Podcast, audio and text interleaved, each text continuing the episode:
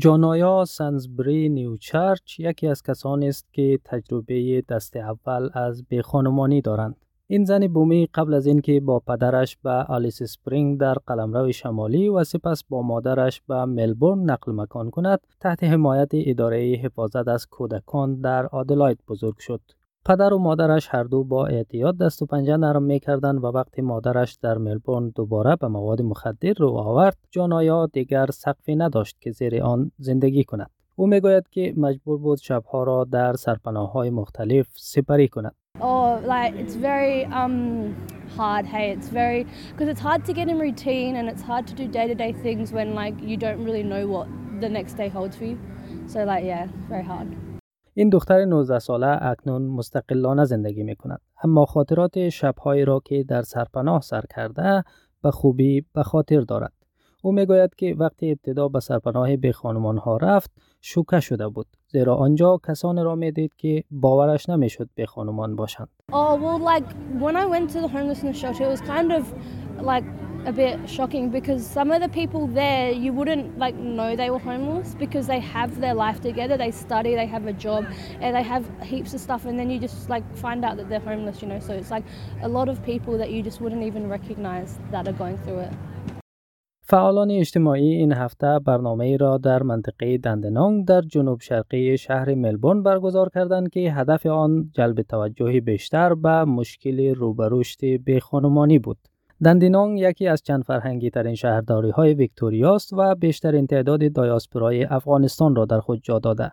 ایدن فاستر شهردار دندنانگ می گوید که ساختار اجتماعی منحصر به فرد شهرداری او می تواند یکی از عوامل باشد که مردم را به سمت خانمانی سوق می دهد. به گفته خانم فاستر مسائل چون های روحی و روانی از سرزمین مادری، سوی مصرف مواد مخدر و همچنین میزان بالای بیکاری نسبت به سایر مناطق باعث تشدید مشکل خانمانی در این شهرداری شده است. I guess we have a very uh, multicultural community, and so with that comes perhaps past trauma from um, their homeland. Um, so we're looking at mental health concerns, um, there may be some substance use, um, abuse, um, so different levels of trauma and, and psychological issues.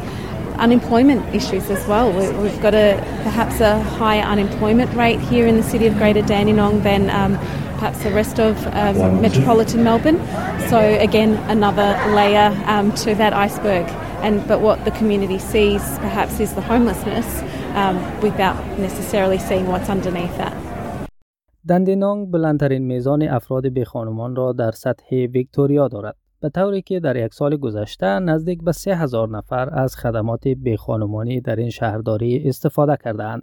یکی از سازمان هایی که در قسمت ارائه خدمات به افراد بیخانمان در مربوطات دندینانگ و شهرداری مجاور آن کیسی فعال است نهاد اجتماعی باختر است بسیر قدیری رئیس این سازمان است مردم به دلایل مختلف به خانمان می شوند دلایل اجتماعی به خانمانی مثل کمبود مسکن البته مسکن نازل یا ارزان فقر و بیکاری وجود دارد. و رویدادهای زندگی که مردم را به سمت بیخانمانی سوق میده از آنجایی که استرالیایی ها با بحران کرایه مسکن و افزایش هزینه های زندگی دست پنجه نرم می‌کنن البته که شاید از ما امروز بیشتر هستیم تعداد بیخانمان ها نیز در حال افزایش است آقای قدیری می‌گوید که تعداد افراد به خانمان افغان تبار در مناطق دندنانگ و کیسی به مراتب نسبت به سالهای قبل از کرونا و بحران افغانستان بیشتر شده است. قسمی که ما می‌دانیم البته تعداد افغان های ما در ساوتیست ملبورن بیشتر است. بیش از 20 هزار افغان اینجا زندگی می‌کنن و کمک ها و خدمات را که ما در این مناطق ارائه می‌کنیم طبعا در اجتماع افغان ها نیز به خانمانی افزایش یافته. اما آمار دقیق نیست که از یک مرجع رسمی یک کمیونیتی یا یک ملیت مشخص گزارش بدن. اونا به طور کل تمام کمیونیتی را گزارش ارائه می‌کنن بران ما چون با افغان ها سر کار داریم با افغان ها خدمات ارائه می‌کنیم و فعالیت داریم تقاضا به خدمات ما نسبت به سالهای گذشته بیشتر شده خصوصا بعد از کووید 19 و بحران افغانستان ویز مؤسسه دیگر است که در ویکتوریای جنوبی به افراد بیخانمان خدمات ارائه می کند.